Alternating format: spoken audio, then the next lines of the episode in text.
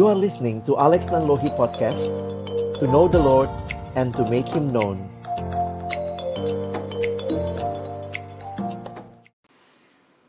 Mari sama-sama kita berdoa sebelum kita membaca merenungkan firman Tuhan. Let us pray. Father God, we thank you again for this wonderful opportunity for us to listen to your word. And we pray, Lord, as we open your words, please also open our hearts. Help us not only to be the listeners of your word, but also the doers of your word. And we pray that you will bless us through this sermon.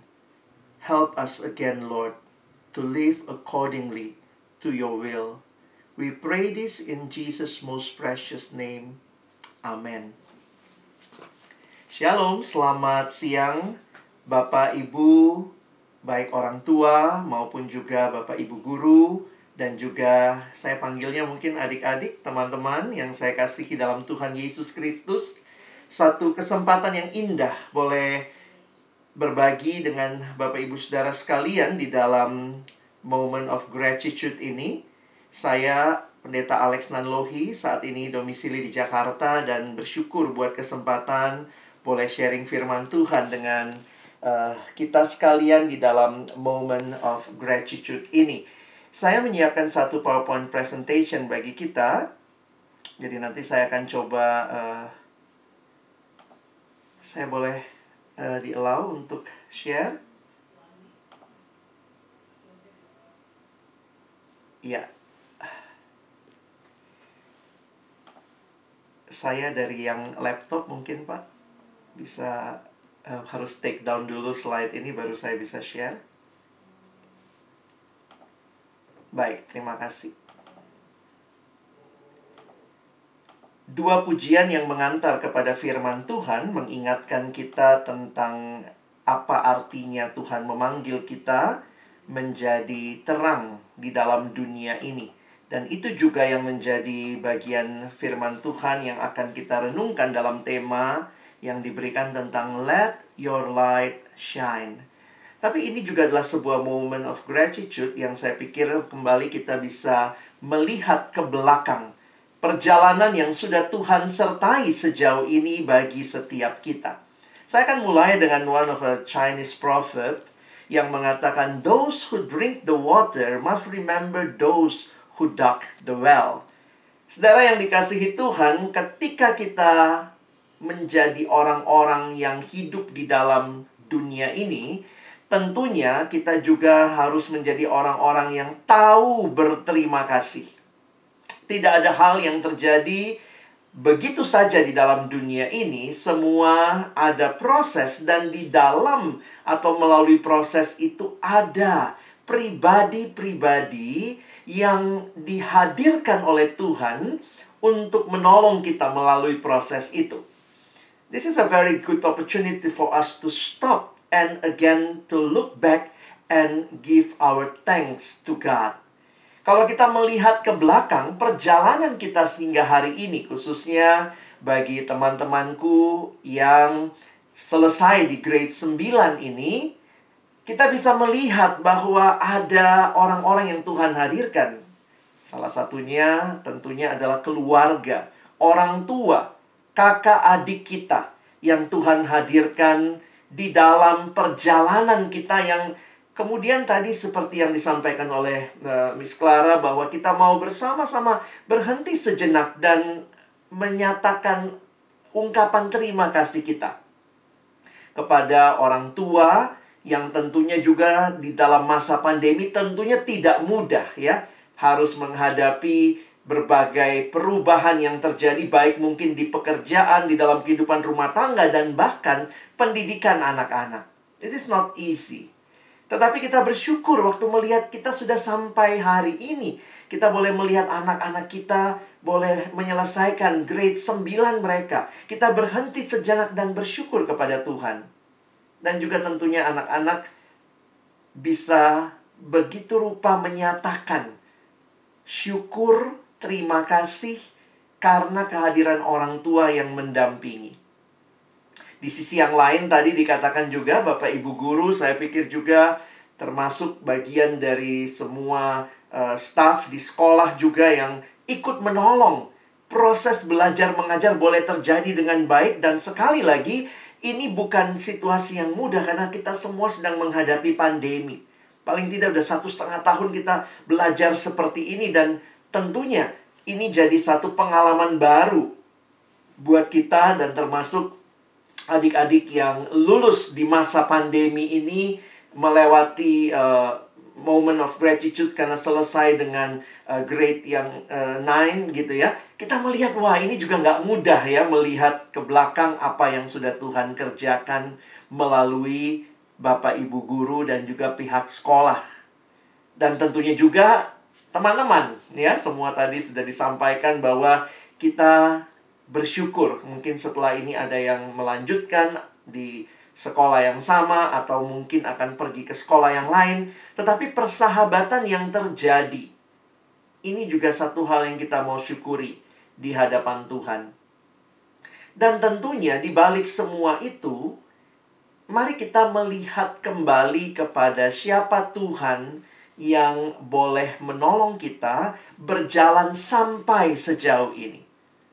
Saya mengutip apa yang disampaikan Rasul Paulus di dalam Filipi pasal 4 ayat yang ke-6. Janganlah hendaknya kamu khawatir tentang apa pun juga, tetapi nyatakanlah dalam segala hal keinginanmu kepada Allah dalam doa dan permohonan dengan ucapan syukur. Di dalam terjemahan bahasa Indonesia masa kini atau bahasa Indonesia sehari-hari, Ayat yang sama berbunyi demikian.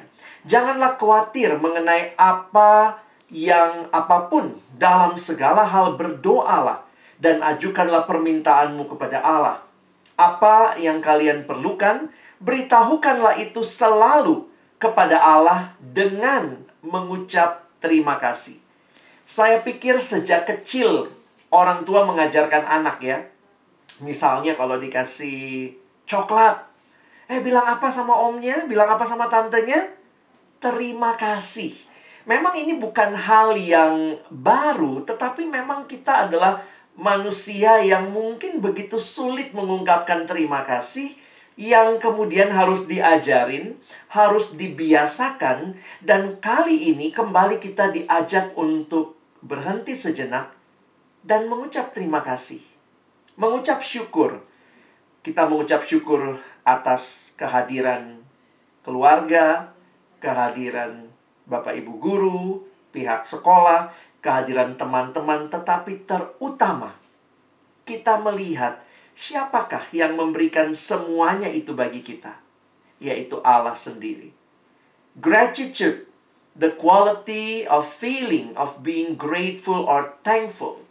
Jadi ada begitu banyak definisi yang diberikan tentang gratitude. Dan begitu banyak hal yang kita sebenarnya bisa berkata, I'm grateful for. Tapi satu kutipan yang menarik dari seorang penulis Kristen bernama David Mathis yang mengatakan, God created humanity for gratitude. You exist to appreciate God. Saudara yang dikasihi Tuhan, ini memberikan satu kesadaran bagi kita bahwa hidup kita tidak terlepas dari Allah.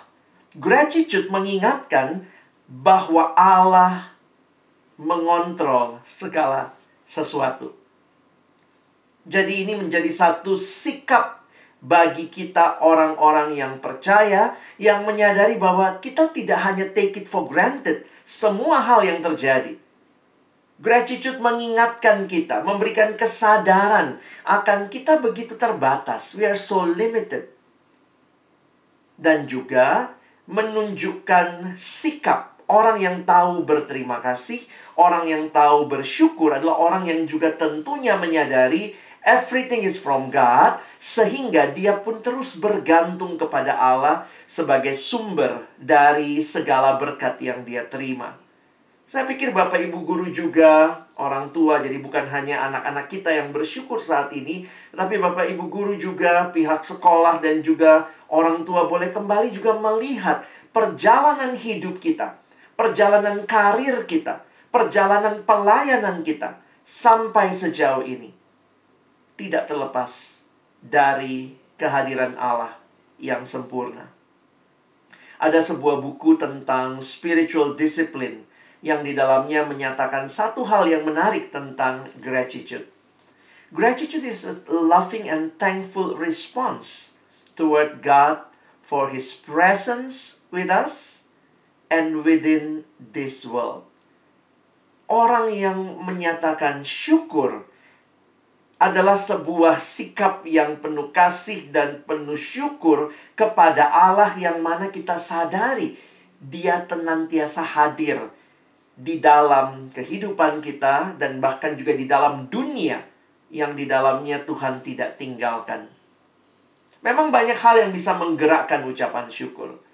Tetapi sebenarnya kalau kita melihat kembali kepada pribadi Allah, sebenarnya itulah alasan paling mendasar ucapan syukur kita karena kita memiliki Allah.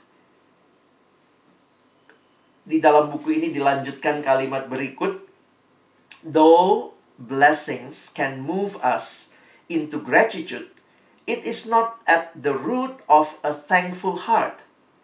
Delight in God and His goodwill is the heartbeat of thankfulness.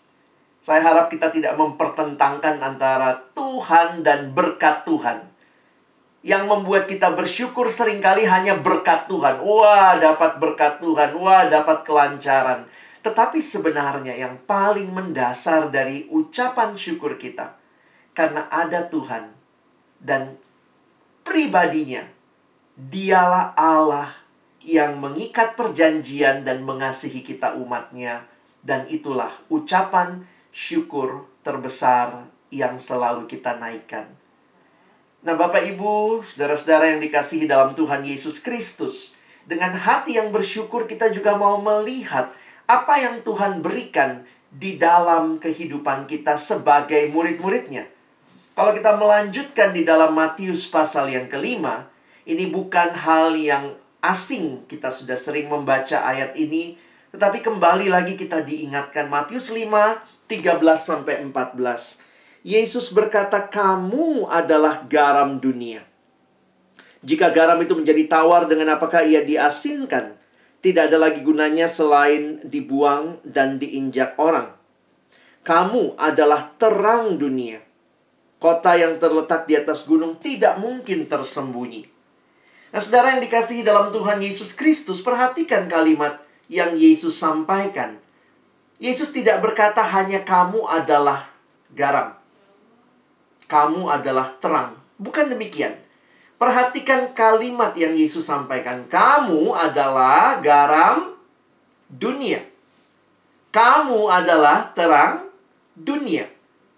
Tadi dalam pujian yang dinyanyikan oleh teman-teman kita, kita melihat jangan jadi terang di tempat yang terang, kira-kira begitu ya. Tetapi kehadiran kita menjadi sebuah kehadiran yang punya konteks. Kita bersyukur untuk status yang Tuhan berikan, identitas yang Tuhan berikan bagi kita. Kamu adalah garam dunia. Kamu adalah terang dunia. Kita harusnya menyadari bahwa kita punya panggilan untuk hadir di dalam dunia dan di dalam dunia yang di mana kita hadir, kita harus berfungsi sebagai garam dan sebagai terang. Tentunya terang tidak hanya kumpul sama terang karena tidak akan terjadi sesuatu karena sudah terang. Tetapi ketika terang hadir di dalam dunia yang gelap, dia akan memberikan pengaruh yang baik. Akan menerangi dan itulah yang dibutuhkan oleh dunia ini. Garam jangan kumpul sama garam ya, nanti jadi gudang garam. garam harusnya hadir di dalam dunia dan kehadirannya di dalam dunia adalah kehadiran yang menghambat pembusukan dunia yang terjadi. Di masa Yesus belum ada refrigerator. Sehingga ketika berbicara garam, fungsi utama garam pada masa itu adalah menghambat pembusukan. Ketika Yesus berkata, "Kamu adalah garam bagi dunia ini." Di dalam dunia yang membusuk, engkau hadir memberikan pengaruh yang menghambat pembusukan.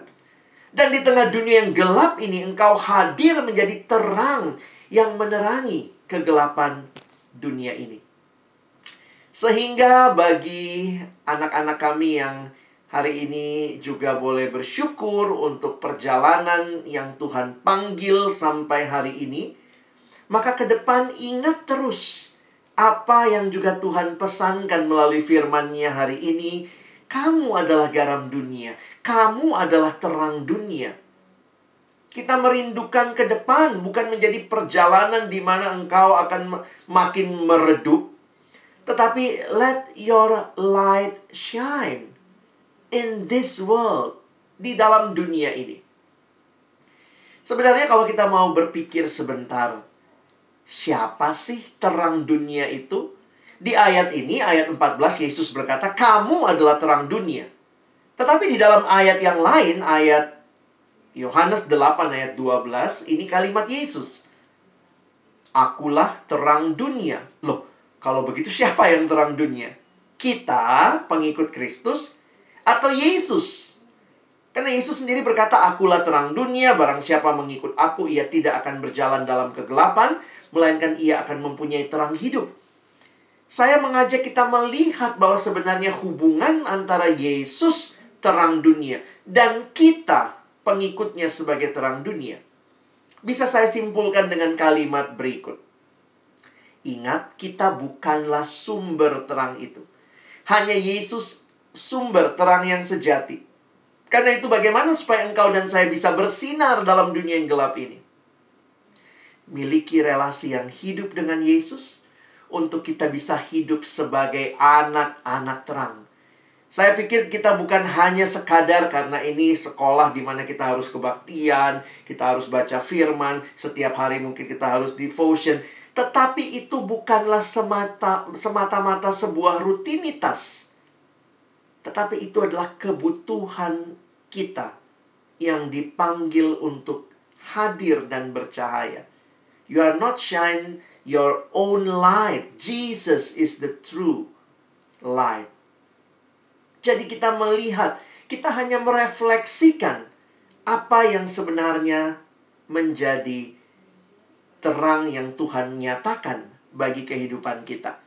Sehingga ke depan saya sungguh berharap bahwa kiranya adik-adikku, teman-temanku yang saat ini telah menyelesaikan grade 9, kamu akan lanjut ke grade 10 dan seterusnya dalam perjalanan hidupmu. Miliki terus relasi yang hidup dengan Kristus jika engkau ingin mengalami tema kita hari ini. Shine your light. Let your light shine. Bukan kita sumber terang itu. Dan kemudian kalau kita perhatikan, ada satu kutipan yang saya coba renungkan waktu mempersiapkan ini yang dituliskan oleh seorang teolog Kristen bernama Timothy Keller. Dia berkata demikian, one thing, it is one thing to be grateful, it's another thing to give thanks. Yeah, if, if we want to discern what is the difference between um, grateful or gratitude and uh, thanksgiving or give thanks, maka dia mencoba memberikan pemahaman seperti ini. Gratitude is what you feel, but thanksgiving is what you do. Dan saya pikir ini juga seirama dengan apa yang disampaikan dalam firman Tuhan bahwa kita bukan hanya boleh bersyukur, wah saya anak terang. No. We have to live out our new identity in Jesus. We have to live our life accordingly to our identity that has been given by Jesus for us. You are the light of the world.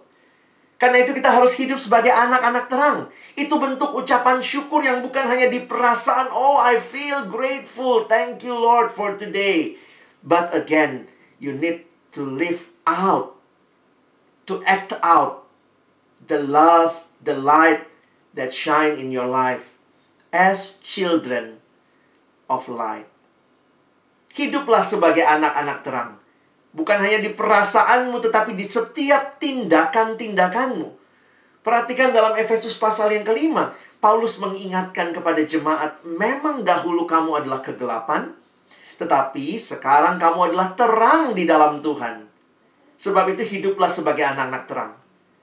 Tapi tidak hanya berhenti di situ. Lihat apa yang menjadi buah something that need to be act out to live out in our life. Karena terang hanya berbuahkan kebaikan dan keadilan dan kebenaran dan ujilah apa yang berkenan kepada Tuhan. Mari hidupi ini.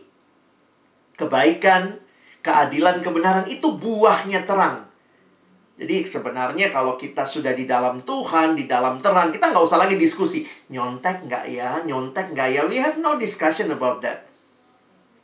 Ayo berbuahkan kebaikan, keadilan, kebenaran. Nyontek nggak benar ya udah nggak usah dilakuin. Copy paste tugas ya, that's not what the we should live out our life. Kita bukan hanya have a great, grateful heart, but also a thankful life as God's children of light. Kebaikan, kalau berbuat baik kepada keluarga, kepada saudara, belajar adil, dan itu semua kita pupuk mulai dari keluarga, dari sekolah, sehingga nanti di masyarakat.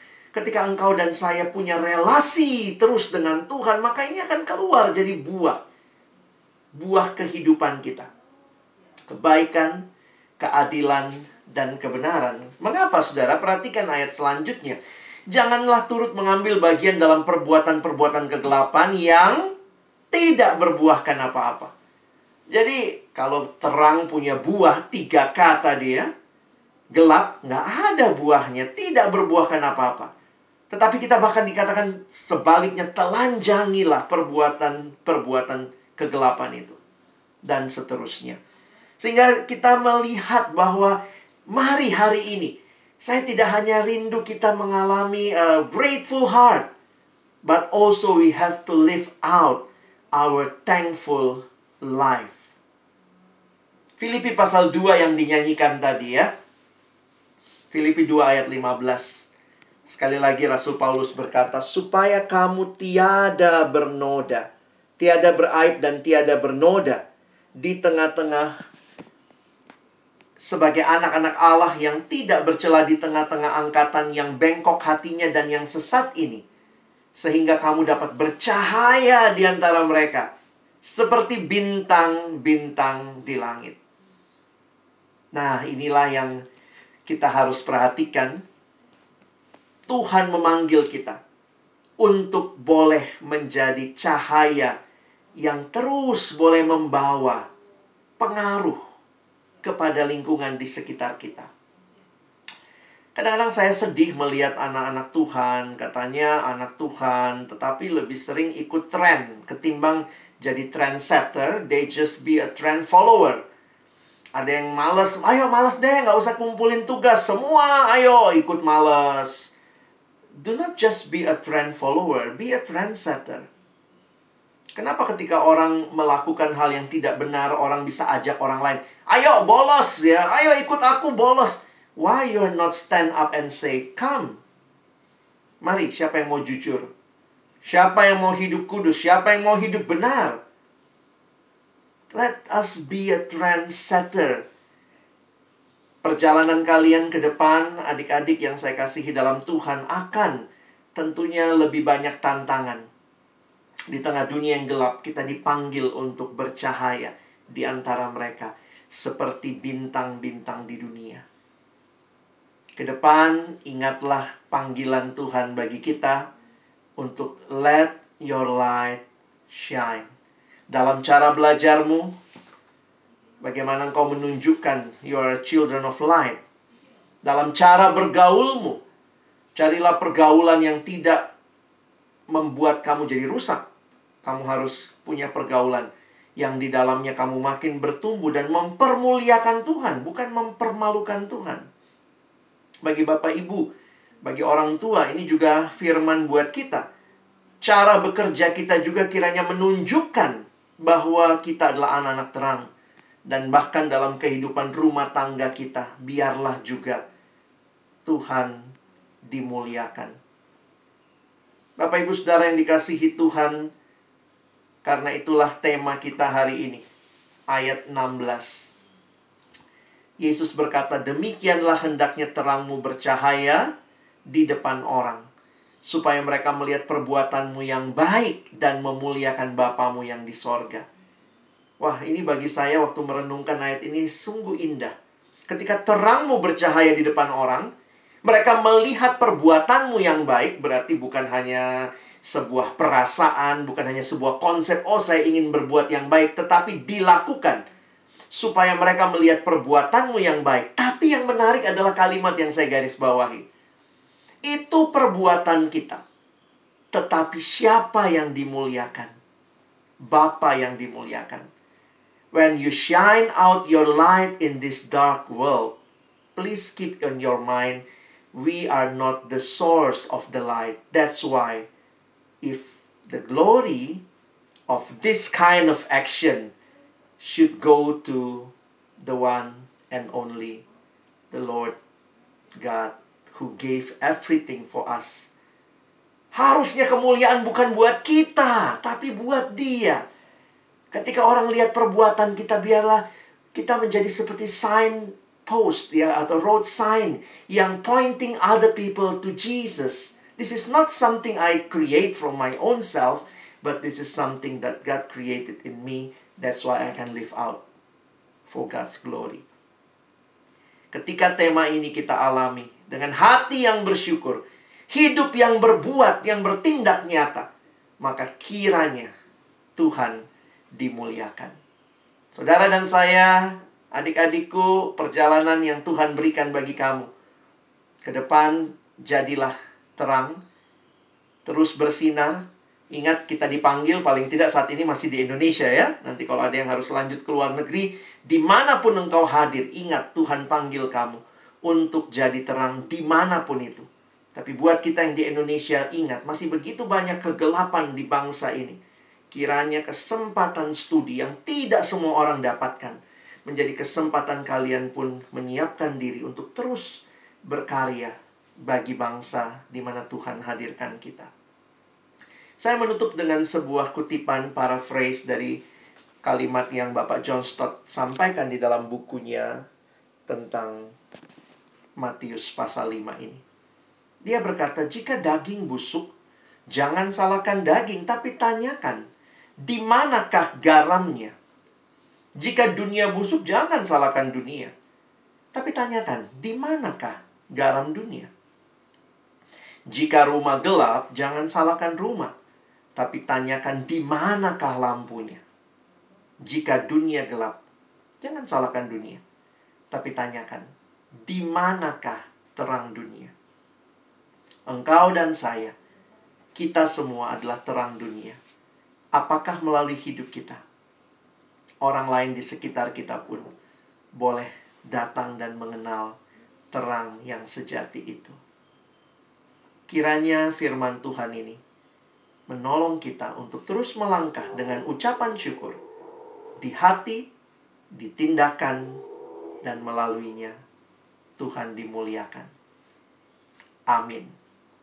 Mari kita berdoa. Tuhan terima kasih banyak sekali lagi untuk firman-Mu yang mengingatkan kami untuk terus bersyukur, tetapi juga terus bertindak sebagai bukti ungkapan syukur kami di dalam hidup kami, di mana pun Tuhan tempatkan kami. Perjalanan yang dilalui oleh anak-anak kami hingga hari ini. Perjalanan bersama dengan orang tua, dengan guru, pihak sekolah, dan teman-teman menjadi perjalanan yang di dalamnya kami syukuri hari ini. Tapi ke depan kami pun belajar mempercayakan seluruh masa depan anak-anak kami kepada Tuhan. Dan berdoa sekali lagi. Kiranya seperti Tuhan telah memanggil kami menjadi terang bagi dunia ini. Kami boleh hadir di mana saja. Di pendidikan selanjutnya. Waktu kamu masuk grade 10. Kami tidak jadi anak-anak yang mempermalukan Tuhan tetapi terus mempermuliakan Tuhan. Kami jadi orang tua-orang tua yang mempermuliakan Tuhan. Kami jadi guru, jadi pihak sekolah, karyawan, staf yang mempermuliakan Tuhan. Karena kehidupan yang kami jalani adalah kehidupan yang menyadari Engkau sumber terang itu. Dan kami terus mau bergantung kepadamu untuk bisa bersinar di tengah dunia ini. Dan bagimulah kemuliaan sampai selama-lamanya. Kami bersyukur, berterima kasih untuk firman-Mu. Tolong kami sekali lagi bukan cuma jadi pendengar, tapi jadi pelaku firman-Mu. Dalam nama Yesus kami berdoa. Amin.